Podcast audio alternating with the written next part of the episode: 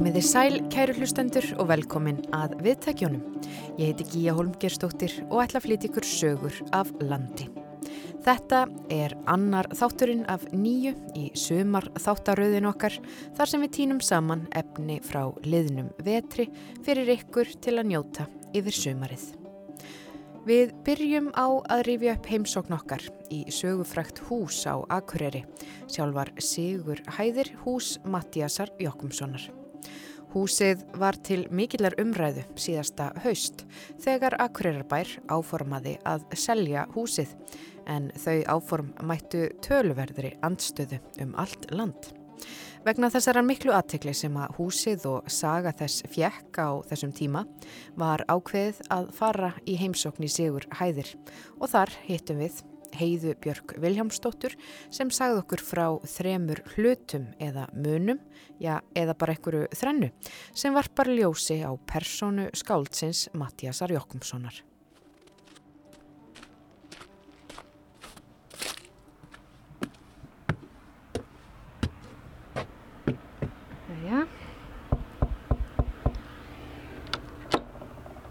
Góðan daginn. Hæ, hæ, velkomin. Takk fyrir. Þá er maður komin inn í Sigur Hæðir hús Mattiasar. Nákvæmlega. Velkomin. Takk fyrir. Skulum færa okkur aðeins hérna inn fyrir. Já, fyrir svo vel. Ég heiti Heiða Björk Viljánsdóttir og ég vinn eins og ég er á, á listasafninu á Akureyri en vann hérna á Sigurhæðum í, í tvö sumur, 2014 og, og 2015. Og við erum hérna komin til þess að tala, já, já þú ert búin að velja eitthvað þrent sem að þér finnst, uh, já, varpa einhverju ljósi á Mattias Jokkumsson, uh, stókskáldið sem að bjó hér í þessu húsi. Og hvað er svona það fyrsta sem að þú ætlar að segja okkur frá? Sko, ég var í tölumverðu vandræði með þetta og átti eftir að, að, semst að velja hluti og ég ákvað samt í, í fyrsta lagi að taka bara húsið sjálft, húsið Sigurhæðir. Og það hefur náttúrulega líka verið mikið umræðinu undarfarið þannig að ég ákvað að það væri við hæfi að fjalla eins um húsið sjálft. En þau sem sagt byggja þetta hús, Mattias og, og Guðrún, konarnas, en áður áttu þau heima inn í aðalstræti, aðalstræti 50 og það var hús sem sett hérna inn í Innbæ sem er nálagt gömlu sóknarkirkjunni þar sem að Mattias var prestur. Og þau taka svo ákvörðunum að byggja nýtt hús. Það kemur fyrst í fréttum í hvað desember 1902 þá er fréttum það í Gjallarhorninu að Mattias ætla að byggja sér hús uh, í brekkunni fyrir ofan Hafnastræti 88 og það þótti svolítið sérstakt á þessum tíma að byggja hús upp í brekkunni að því að allir hafðu byggt sín hús með frá ströndinu fram að þessu. Og þetta er á þessum tíma þar sem að byggðirnar eru að tengjast Otterinn og svo Akureyri og svo myndast þessi nýju miðbæjar kjarni hér þar sem hann er ennþá. Og sumur vildu jafnvel meina að Mattias væri svolítið að upphefja sig með að byggja fyrir ofan alla hérna og það kom líka fram í þessari grein í gjallarhörninu að var skotið á hann og húsi kalla Sigurhæðir sem er tilvitnin í ljóð eftir Mattias og þetta var svona einhver fyndni en og Mattias fannst þetta reyninni ekki fyndi fyrst og leittist þetta en tók setna nafnið í sátt og það festist við húsið. Þetta er einmitt með tilkomu mikið nafn, Sigur Hæðir. Já, það er það og, og skemmtilegt sko og það var einhver, já eins og ég segi, hún fannst þetta leiðilegt, mjög leiðilegt fyrst en algjörlega sáttur svo að lokum. Og segð okkur, núna stöndum við í hvaða rými í, á, í þessu húsi? Þetta er semst bara kallað það borðstofan og stundum norðurstofan og þetta myndi ég segja að væri svona aðal rýmið í húsinu. Um, og hér eittu þau miklum tíma öll saman. Þegar þau flytja loksins í húsi semst 1903 og þá eru fimm börn með þeim og Mattias er þá orðin svolítið gammal, hann er orðin 68 ára en Guðrún var 16 árum yngri og þau eigða miklum tíma hér. Það var líka mikil kuldatíð og svo byrjar eh, fyrir heimströldin og kólin eru dýr og það dýrt að kynna allt húsi þannig þau voru gerðan öll hér. Og Mattias skrifaði oft hér, kannski frekar enn á skrifstofan sinni. Hér var opnin og, hérna var allt lífið. Eh, Konurnar að prjóna og, sauma og, og krakkarnir að læra og Mattias að skrifa eða yrkja eða þýða við, við skrifborðið. Og það tröflaði hann ekki, hann fannst gott að vera bara innan um fólkið. En það var þannig að eins og ég segi þau voru fimm börn sem að fluttu hérna inn með þeim og svo náttúrulega fóru einhverjir að flytja í burtu, þeir voru hann svolítið stór og þannig að það koma aftur heim, tvær dætur. Uh, Mattea flutti aftur heim, hún skildi við manni sinn og kom aftur heim með þrjú börn og Þóra misti mannin sinn og grabba minni og kom aftur heim með eitt barn eða tvö, já tvö og þannig að það voru fimm barnabönn í húsinu líka og mikið líf. Svo hérna deyr Mattias og, og, og í kjölfarið konana stuttu setna. Segð mér aðeins frá þessu. Já, Mattias deyr 1920 og Guðrún deyr bara þremur árum setna og þá er bara húsi selt. Og aðrir búa hér í húsinu í mjög langan tíma, tæp 40 ár.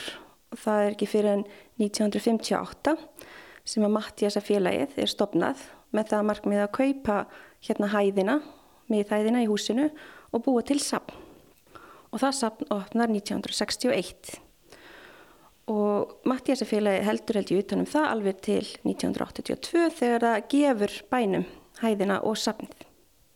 Þannig að það líður langu tími á milli frá því að Mattias og, og Guðrún semst, selja húsið eða stegja þar til að það er gert að sapni og mikið að fólki búið að búa hérna í millitíðinni. Þannig að sapnið er svolítið búið til.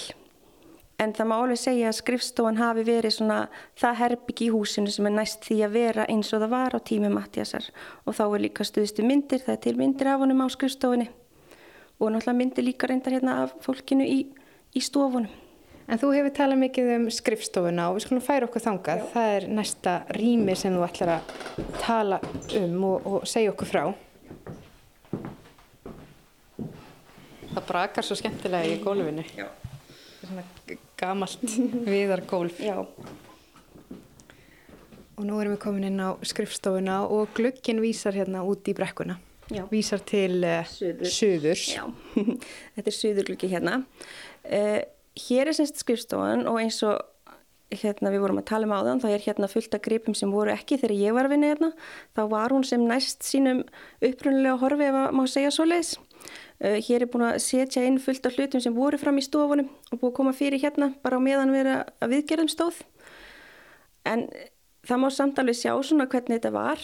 Uh, hér eru myndir á veggjum fyrir ofan skrippborðið og stór mynd af Guðrúnu konunans sem hann kallaði reyndir alltaf mömmu og hún var svona hvað ég segja, sáum all praktísk atriði í þeirra hjónabandi. Hann var ekki mjög góður í, í því eins og peningamálum og svo leiðis og í rauninni maður segja að húsbyggingin hafi verið semst, frá henni komin. Og hún semst, skrifar í brefi sem skrifaði til Stengrims, sonar þeirra 1899 og segir frá því að margir smálagsar í bænum hafi verið byrjað að byggja sér hús eða aðfara að byggja sér hús og hún vildi ekki vera minn en þeir og Mattias segði sjálfur einhver staðar að hann hefði látið það eftir koninni sinni að byggja húsið og, og flytja á fjörunni. Uh, en getur þú sagt mér eh, frá einum grip hérna einn á skrifstofunni? Hér, já, ef við komum bara hérna að skrifbóðinu. Hér má semst að finna semst innsikli Eh, frá þeim tíma sem að Mattias var rítstjóri í Reykjavík, hann var rítstjóri þjóðúls í um það byrj 6 ár og bjóð þá í Reykjavík. Hann er svolítið merkelt að hérna, skoða hvernig hann komst í þessa stöðu að vera rítstjóri þjóðúls. Hann, var erlendis, þetta var 1873 og frétti þar að þjóðúlur væri til sölu og hann var semst í London og hjá manni sem var hérna í unitara prestur en hann var undir miklum áhrifin frá uniturum sem er frjálslindari heldur en lúterska kirkjan og hann náði að sannfæra þá um að styrkja sig til að kaupa þjóðolf og það var auðvitað skilirði og skilirðin voru svo að hann átti að sagt, bóða unítara bóðskap á Íslandi nokkuð skona trúbóði og jafnvel sko stopna söfnuð. Og Mattias segir sjálfur að hann hafi sagt að hann geti ekki lofað neinu en ætlaði að undirbúa jarðvegin og en það er samt nokkuð skýrt í heimildin frá únitörum sjálfum að þeir leta á hann sem trúbóða únitöra á Íslandi en hann fær allavega þennan pening og getur keft blaðið og kemur sér fyrir í Reykjavík og þjóðölu var þarna eitt á svona stærri blöðunum, aldar fjórðung skamalt og búið að vera svona fremst í flokki í stjórnmálabaratu og stjórnmála umfjöllun. Hann hérna breytti samt svolítið um stefnu og vildi, hafði ekki mikið áhuga á þessari umfjöllunum um stjórnmál og þessari baratu. Fjallaði mikið um trúmál og eh, mentamál, líka leikús og bókmentir þess aftar en þó voru þetta einhver umfjöllunum fjármál og skattamál og, og þess aftar. En hann breytti svona þessari stefnu, hann var líka mjög opinn, bæði opinn persóna og líka opinn fyrir alls konar ströymum og stefnum sem voru í gangi. Og tók þetta einhvern veginn allt til sín og, og stúderaði, velti svo öllu fyrir sér og tók afstöðu til mála. Og margir samtíma menn efuðust svolítið um hans trún neyð og hann var mjög alltaf efins og gaggrindi mjög mikið já, ég myndi bara segja hann að það hefur verið leitandi og mjög opinn fyrir bara alls konar trúabröðum mannara menningarheima. Meiri segja þýttan greinum buddhisma 1899 og byrti í einhverju bladi sem ég man ekki nákvæmlega hvað er núna. En það var fjallað um karma og endurholdkun sem er svolítið djart af presti í kirkina að byrta slíka grein á þessum tíma. Já, mm -hmm. þetta er merkilegt og þetta innsikli Getur þú líst því aðeins fyrir okkur? Herri, já, þetta er bara svona þetta típiska innsikli. Það stendur á því þjóðólfur, samtaka og mynd af einhvers konar ulfi sem ég veit nú ekki, hann er eins og hann haldi á einhverju í höndinni sem ég veit ekki, eða loppinni, ég veit ekki hvað er. En hann var sem sagt í þessu í sex ár. Og þarna var hann búin að giftast Guðrúnu og þau voru komið með börn, þetta var rosalega mikið rak, hann var, hann var hérna þetta var svona basl bara, þetta var náttúrulega nóg peninga og var komin orðin skuldugur og hafði náttúrulega fyrir stóri fjölskyld að sjá þannig að hann ákvaði að snúa sér aftur að prestskap sem hann svo gerði og fekk brauð í otta á Rángavellum mm -hmm. var þær í nokkur ár áður og kom til akkurir en eins og ég segði á þá er hann með fjölda mynda hérna fyrir ofan skrippborðið sitt. Stæðstu myndin á Guðrúnu konu sinni það er líka mynd hérna af Martin Luther og Jóni Sigur sinni og svo er það meira bara svona fjölskyldumyndir af börnunum og, og barnabörnunum. Og hér er líka lí, mjög lítil mynd sem er af sem sagt, Mattiasi og fyrstukonunans Elínu. En hún dó úr taugaveiki eftir stutt hjónaband. Og svo eru hérna er, dætrans með barnabörnin lill tvíburar þannig Hann hefur verið mikill fjölskyldu maður Já, hann var þrýgiftur hann sem sagt giftist tvistan í Elínu. Hún dó svo hann á tegaveiki og hann var sjálfur mjög veikur þá líka. Svo giftist hann Yngveldi Ólastóttur, hún dó líka eftir stutt hjónaband rúmt ár. Og það var lúnabolga og svo, og svo giftist hann Guðrónu já, og eignast öll börnin með henni öll börnin, 11 11 stykki, já. Og það voru nýju sem að hérna, komist til manns. Þess að þetta var mikill harmur hann var búin að missa tvær konur með stuttumillibili fór, þess að tók sér hlið frá prestskap og fór til útlanda með einhver tíma, kom svo aftur og hóf það aftur prestskap, þetta var á Móum og Kjalanesi og kynnist þá Guðrún, hún er 16 ára mingre en hann og þau eiga þannig einhverju sambandi og þau, hún verður ófrisk og Mattias veit ekki hvað hann á að gera. Búin að missa tvær konur eru gláðsvöld í slæmum stað í lífinu.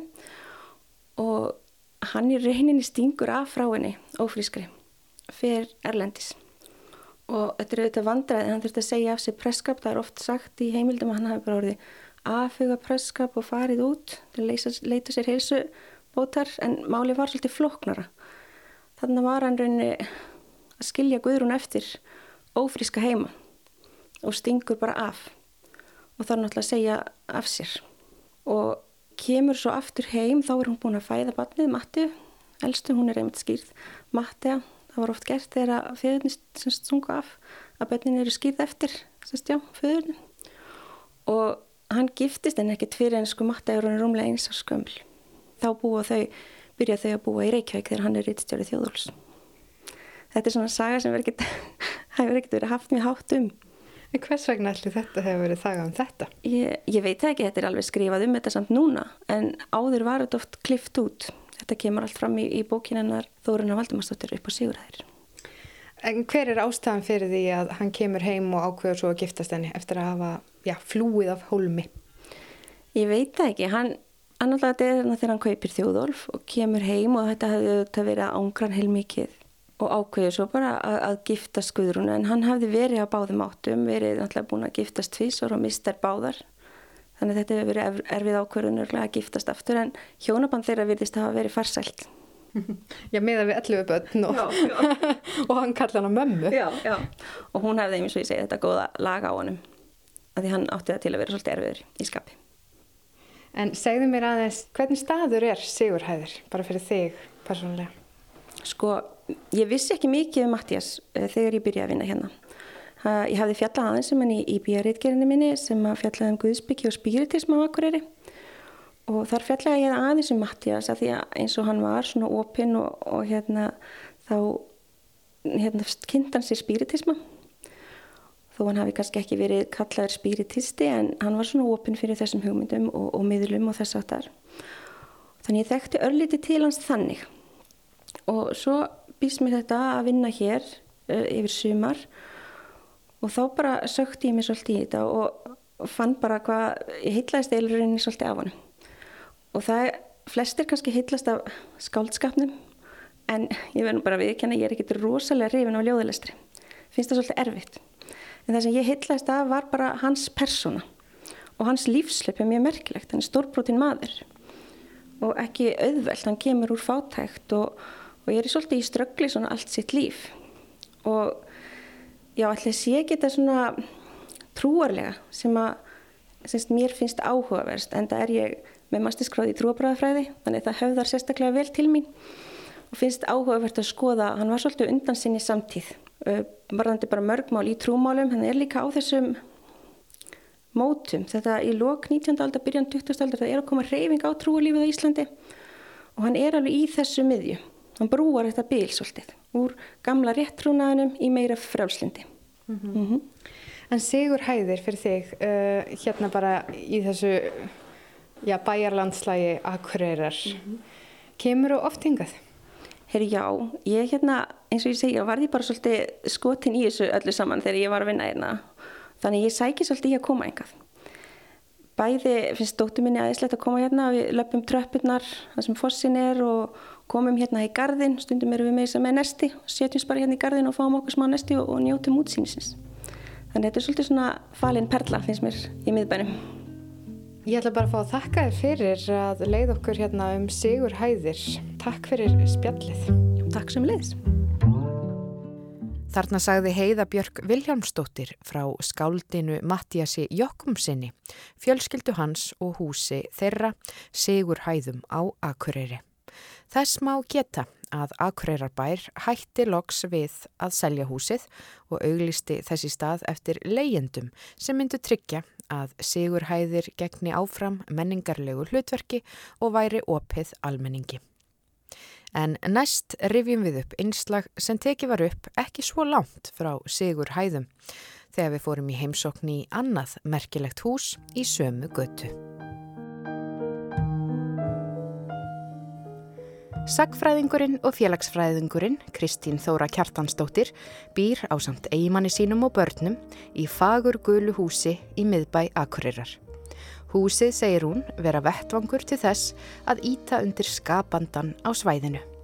Á efstu hæð húsins er heimilu fjölskyldunar og á neðri hæðunum er vettvangur fyrir viðburði, vinnustofur skapandi fólks og verslun þar sem áhersla er lögð á vörur beint frá frum skapandum. Við kíktum í heimsókn í Flóru á Akureyri. Já, ég heiti Kristín Þóra Kjartansdóttir og er hérna í eh, gömlu gulu timburhúsi í miðbænum á Akureyri og við rekum hérna stað sem heitir Flóra. Mm -hmm. Það er gaman að koma hérna inn sko það brakar hérna skemmtilega í gólfinu og já, það er mikil saga í þessu húsi og margir akureyringar sem að þekkja þetta hús. Uh, hvenar, hvenar takir þið við þessu? Hvenar byrjið þið starfsemi hér?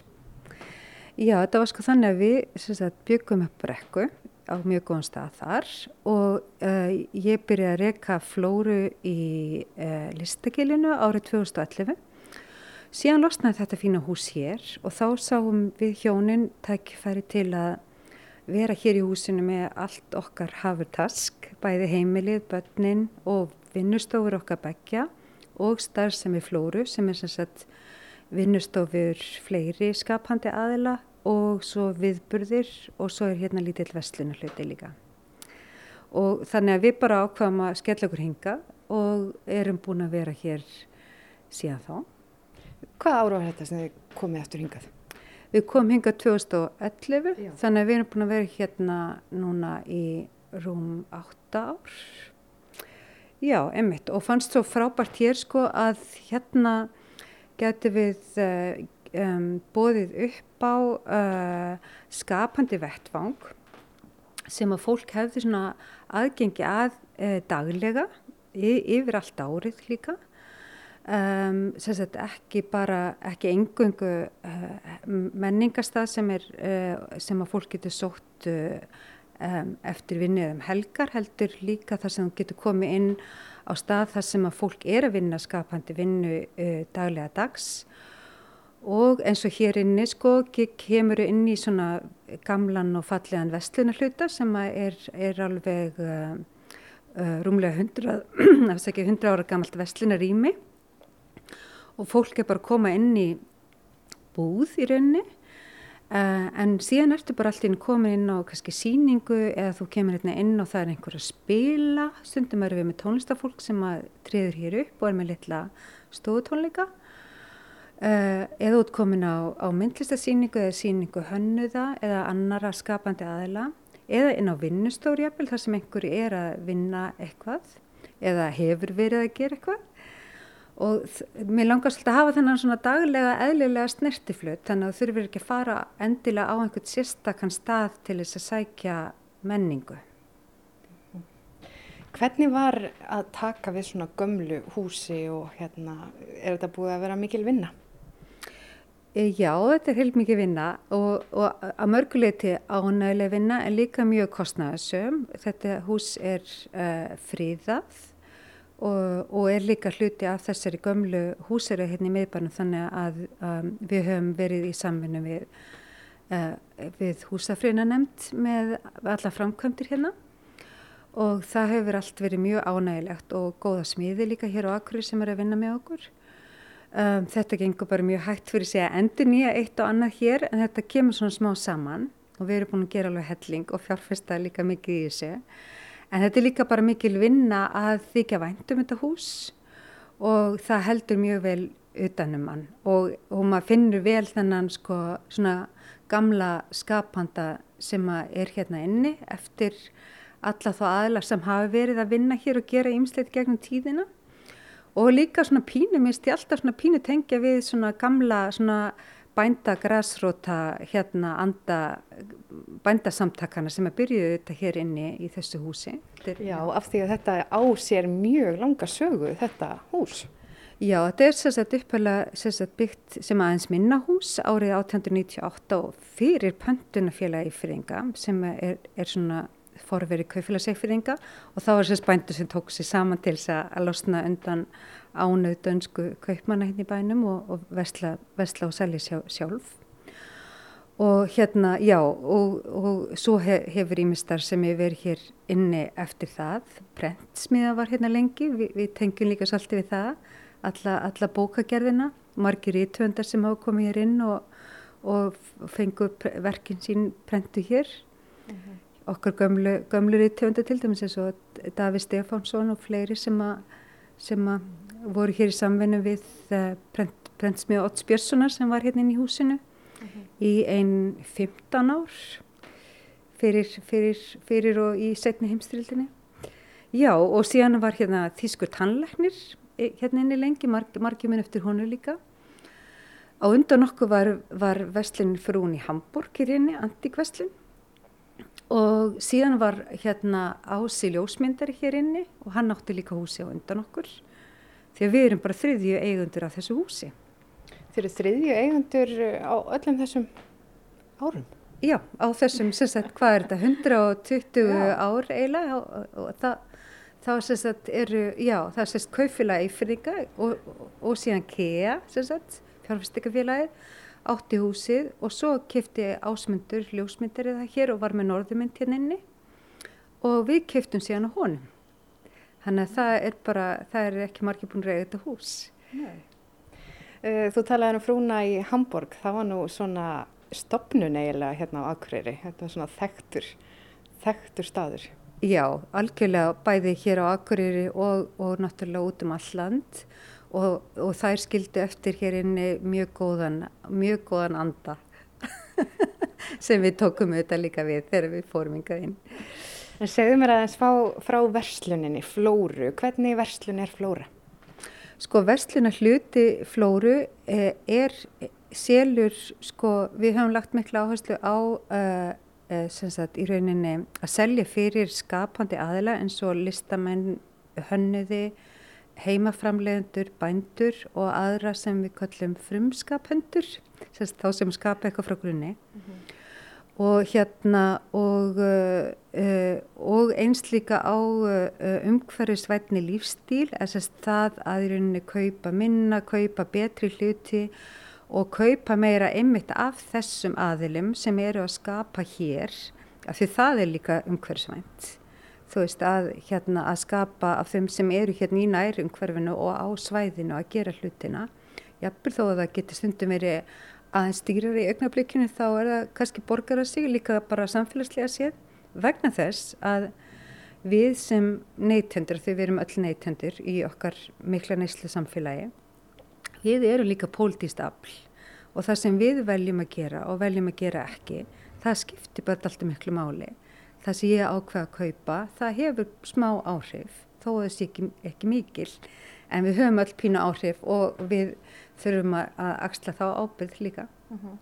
Það tengir svolítið skemmtilega já, hugmyndin, hugmyndafræðin ykkar hérna í flóru við já, stopnun, þess að þetta er græsróti bænda sem að e, byggði og, og byrjaði í starfsemi hérna.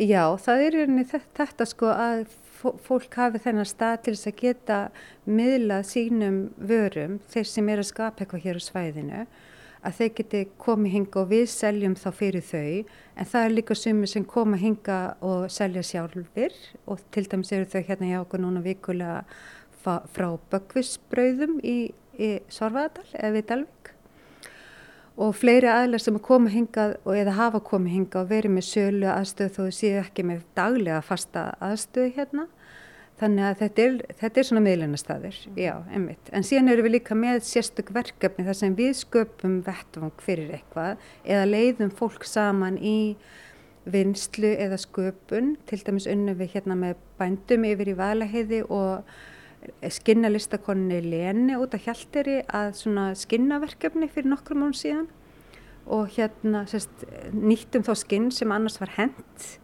og Lene vann úr þeim og við síðan seldum þau hérna í Flóru. Uh. -huh. Þannig að við höfum gert nokkuð svona verkefni og núna erum við sagt, með menningaverkefni sem heitir Pastilrítröð í gangi og það er rauninni í sama ranni.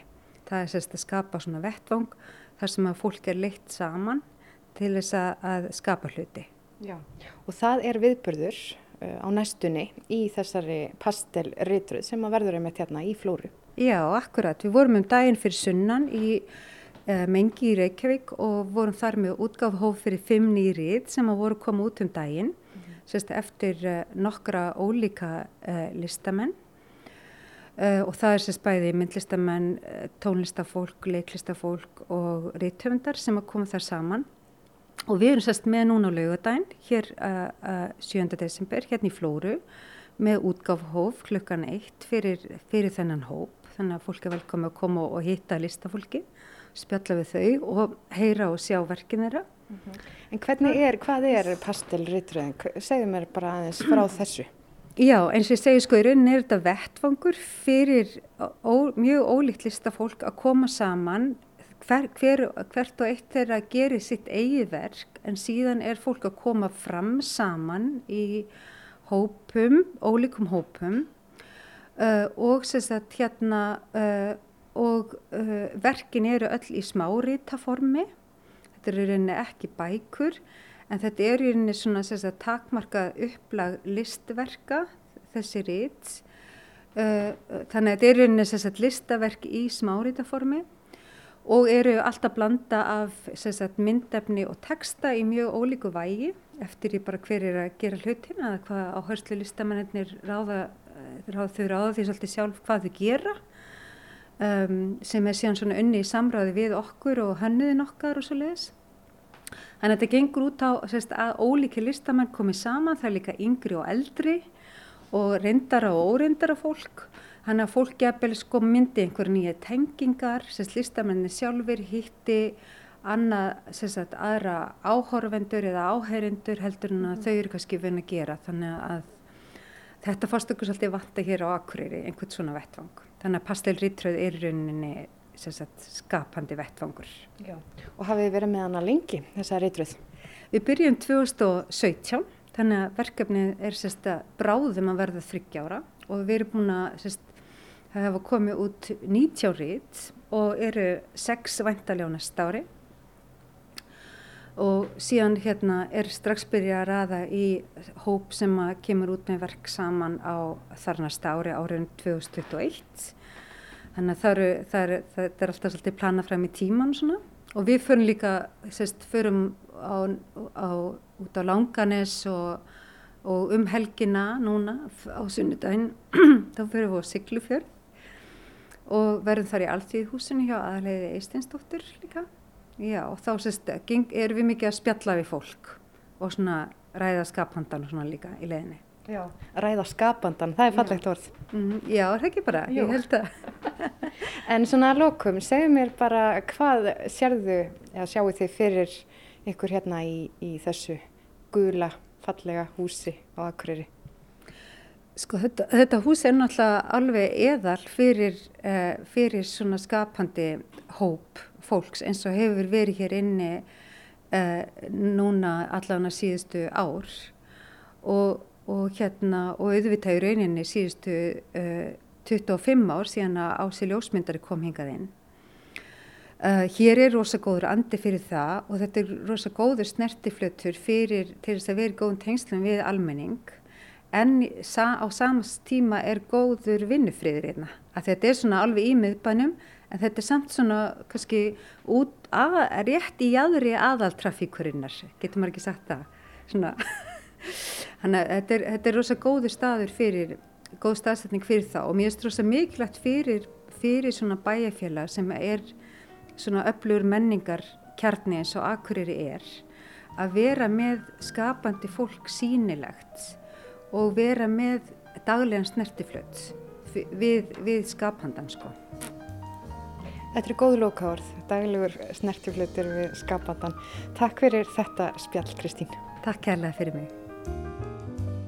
Þarna var rætt við Kristínu Þóru Kjartansdóttur í Flóru á Akureyri og það er gaman að segja frá því að í lok mæ var samþygt að ganga til viðræna við þau Kristínu og mann hennar Hlinn um leigu á sigur hæðum þar sem þau ætla að skapa tengsl við gamla og nýja menningarströyma og opna húsið almenningi og skapandi aðilum, einnig sem þau ætla að búa í húsinu. Skapandin sem við heyrðum af í þessu einslægi um flóru mun því færast upp á sigur hæðir og verður spennandi að fylgjast með húsi skáldsins lifna aftur við. En það voru fleiri þjóðskáld til umfjöllunar hjá okkur í sögum af landi í vetur.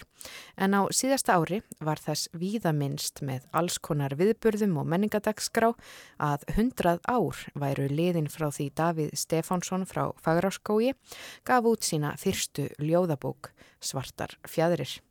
Fáar ljóðabækur hafa vakið viðlíka aðtikli og enn í dag veita ljóð Davíðs listamönnum innblástur. Þórgunnur Ottsdóttir hitti tvær tónlistakonur þegar þær voru að undirbúa tónleika sem þær síðan heldu í menningarhúsinu Hofi á Akureyri 5. daginn 30. og 1. oktober.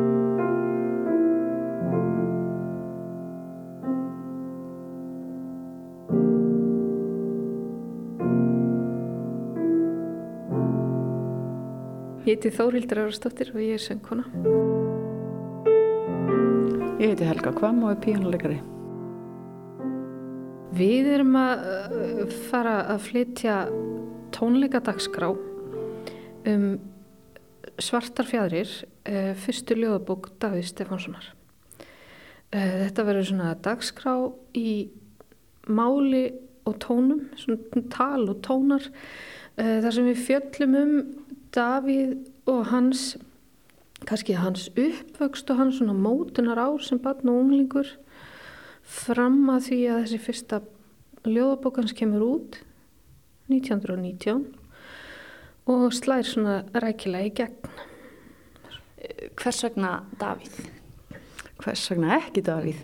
Uh, við hefum áður hérna unnið uh, í, tv í tvígang unnið dagskrá með ljóðum Davíðs í samstarfi Valgeri Bjarnadóttur í Davíðshúsi hér á Akureyri og hérna Davíð lætur yngan ósnortin. En það eru, það eru 100 árs núna í nógumber-desember frá því að Svartafjari kom út og tilvalið að halda upp á þessa stórmerkilegu bók. Þessi bók, hún sló strax í gegn, var það ekki, þegar hún kom út á sínum tíma? Jú, heldur betur. Og sögur, einmitt sögðu að heimasætur á Íslandi hefði sofið með hann undir kottunum. Og hún er orðin 100 ára, á hún alveg erind í dag, er hún ekki orðin gamaldags? Uh, í, í, sko við getum kannski uh, skinnjað í henni svona annan hugsunarhátt. Og þannig upplefa hana einhvern veginn hérna, frá öðrum tíma. En, en þessi ljóðlist verður ekki, ég veit ekki hvort hún verður beint gamaldags. En það sem er svolítið skemmtilegt að það sem er kannski svolítið enkenni á þessari bók að allavega upplifi ég það svolítið að þarna er Davíð ungur að hann er svolítið dramatískur og svolítið bara svona melodramatískur eins og við erum ofta á þessum svona mótunar árum þegar við erum ungt fólk, unglingar og ungt fólk að, að fara út í veröldina. Og hvernig hann einhvern veginn næra að, að setja það fram í þessum ljóðum Um, alls konar hugmyndir bæði um að hvernig er að verða, vera gamall og að verða gamall. Um, er veist, líka mjög merkilegt að, að heyra hvernig ungur maður fjallar um svona í rauninni ímis æfiskeið í þessari bók.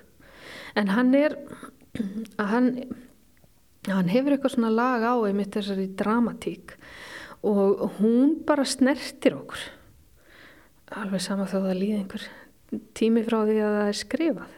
Uh, hvernig eru þið að vinna með hennan efni við?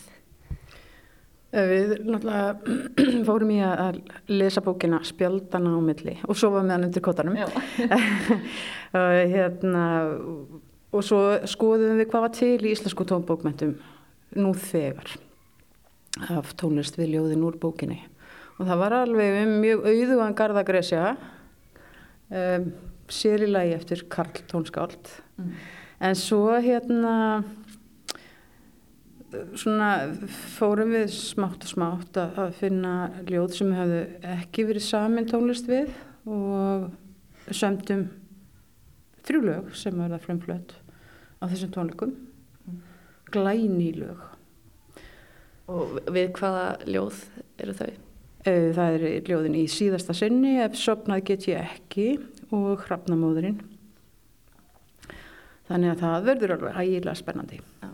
Svo lögðust við bara í, í heimildir að skoða aðeins um uppvöxtafís, fórum inn á tímaritt.is og lásum allar mögulegar bladagrinnar um bókina og þegar hún kemur út. Sko.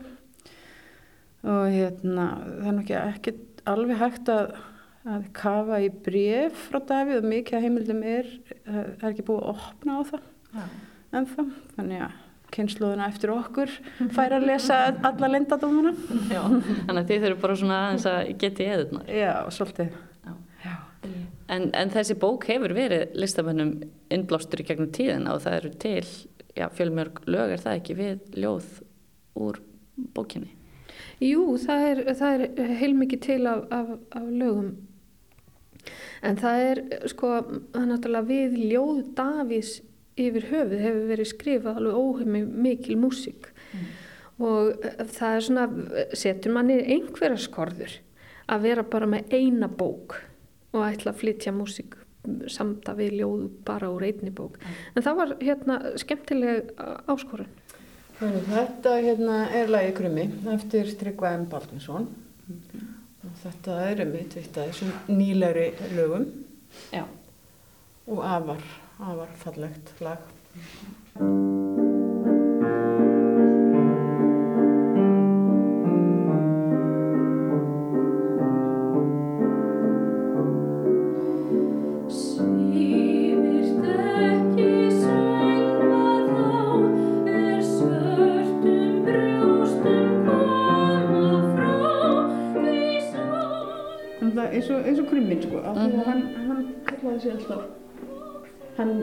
Fannst hann vera krummi sko. Já, já.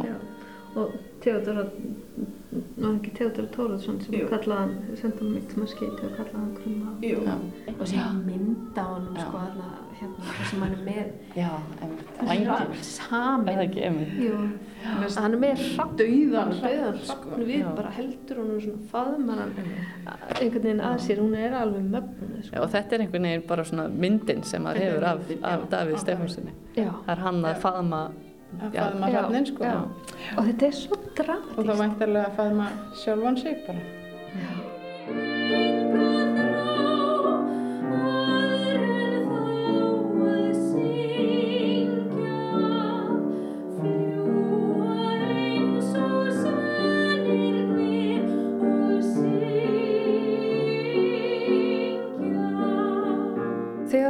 Svona, þegar maður er í þessari hugmyndavinn og er að setja saman svona prógrum þá er einhvern veginn um, farið gegnum greiðlega þá förum við gegnum greiðlega mikið efni og skoðum greiðlega mikla tónlist. Og uh, svo fara hlutirni svona að raðast niður og ég veit ekki, þetta hljóma nú kannski svolítið undarlega en stundum er eins og það gerist svolítið svona sjálfkrafa. Og um, þetta prógram einhvern veginn raðast svolítið þannig niður að, að það er mikið af sko nýlegri tónlist. Um, sem á einhvern hátt er kannski svolítið tákrænt að sko kannski svolítið í sambandi við þessa spurningu þína áðan hvort, hvort þessi bók og hvort þessi ljóð væru gamaldags. Að, að þau eru allavega ekki meira gamaldags en það að við erum ennþá svo mikið að skrifa músík við þau og þau eru ennþá einhvern veginn að inspirera okkur og veit okkur innblástur uh, bæði tónlistamannum og, og, og náttúrulega ljóðskáldum og, og hérna inn í bókmyndir og inn í myndlist og allt mögulegt. Það hafa verið gerð dansverk og sviðsverk um, upp úr þessum eh, ljóðum og upp úr þessari bók þar sem er verið að fletta saman listgreinum þannig að hann er sí ung popstjarnar, Davíð Stefansson heila. En, en hvað haldið að það sé við þessi ljóð hans Davíð sem að, sem að höfða svona til okkar? Sko það, hann nær að setja í orð ángistina og, og sem að fylgi því að vera ungur og óviss og, og þegar við erum svona að fóta okkur sérstaklega í samskipti við annað fólk. Það er lýsingarnar á náttúrunni. Þetta, það er svo mikið Ísland í hérna þessum ljóðum. Og hann svona í raun og veru, ég held, að hann, hann höfði sérstaklega mikið til ungs fólks og svo okkur sem munum sem, sem erum við öll, sem munum hvernig það var að vera ungur og, og órugur og, og eins og hann sagði sjálfur hérna í dag er ég æstur og ég er reyður þannig að hérna já, Hvað var hann eftir gamall þegar hann gaf út þessa bók? hann var 24 ára. Þannig að hann er gott ungur. já, Og sennilega er hann að sapna í þessa bók í- þarna eitthvað á undan sko, þannig að hann er þarna, já, hann er, hann er 24 ára þegar hún kemur út en, en þarna náttúrulega endur speglast svona hérna, kannski ár og hugsun uh, ungs manns. En það sem er líka merkilegt við þessa bók er að hann, hann bregður sér í svo mörg hlutverk, hann einhvern veginn hérna nærað hérna segja frá eða tjá og tólka uh, út frá ólíkum hérna út frá ólíkum kyni, út frá ólíkum aldri, út frá ólíkri stöðu og hérna, jafnvel sko, hérna, bara sveipar hann sig eh, dýrshami og hérna tólkar til dæmis tilfinningar af hrapsins. Brestur.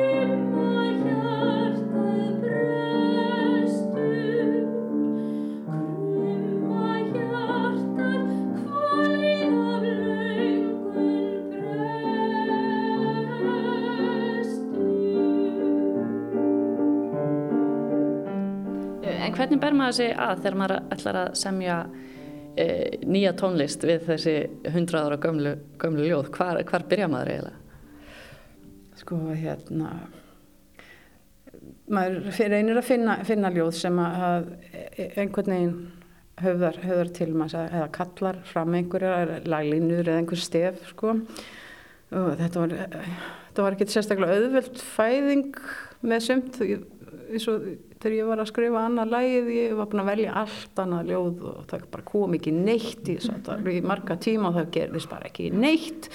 Og, en svo bara var ég að fletta bókinni einaferðin enn og, og datt niður og annað ljóð og það bara stefið komið eiginlega bara strax. Þannig að ég held að þetta sé meira svona hvernig maður er þá innstiltur þann daginn og hvernig, hvort að orðin ná að tala til mann sko. Getur við ekki fengið að heyra eitthvað af þessum, þessum þremur nýju lögum? Já, nei, nei bara helst ekki. ekki, ekki á þennum við frumflytjum, sko, það er... Nei, auðvitað ekki. Nei, maður svona reynir að vera ekki hjátrúafullur, en, Já, en já. ég, nei, fólk verður bara að koma og, og að heyra. Frumflutningar eru alltaf svolítið hérna, svona hátileg stund og hérna, okkur langar að halda í það. Það fyrir enginn að heyra neitt af þessum nýju lögum nema bara í hömrum í hofi á tónleika dag.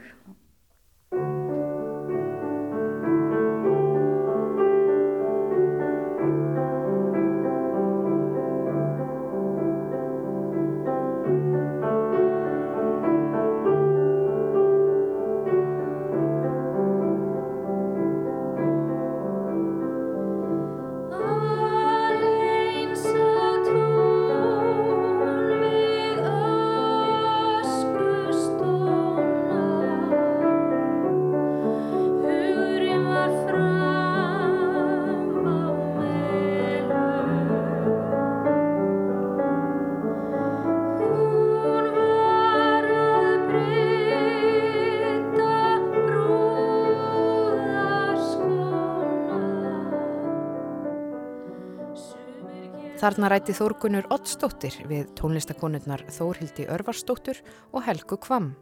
Lægið sem hljómaði í lokin var lægið Brúðarskórnir eftir Þóri Baldursson. Og á þessum ljúfu tónum er komið að lokum í sögum af landi í dag, þar sem rifjuð voru upp einslög frá liðnum vetri. Við þökkum þeim sem hlýtu, lifið heil.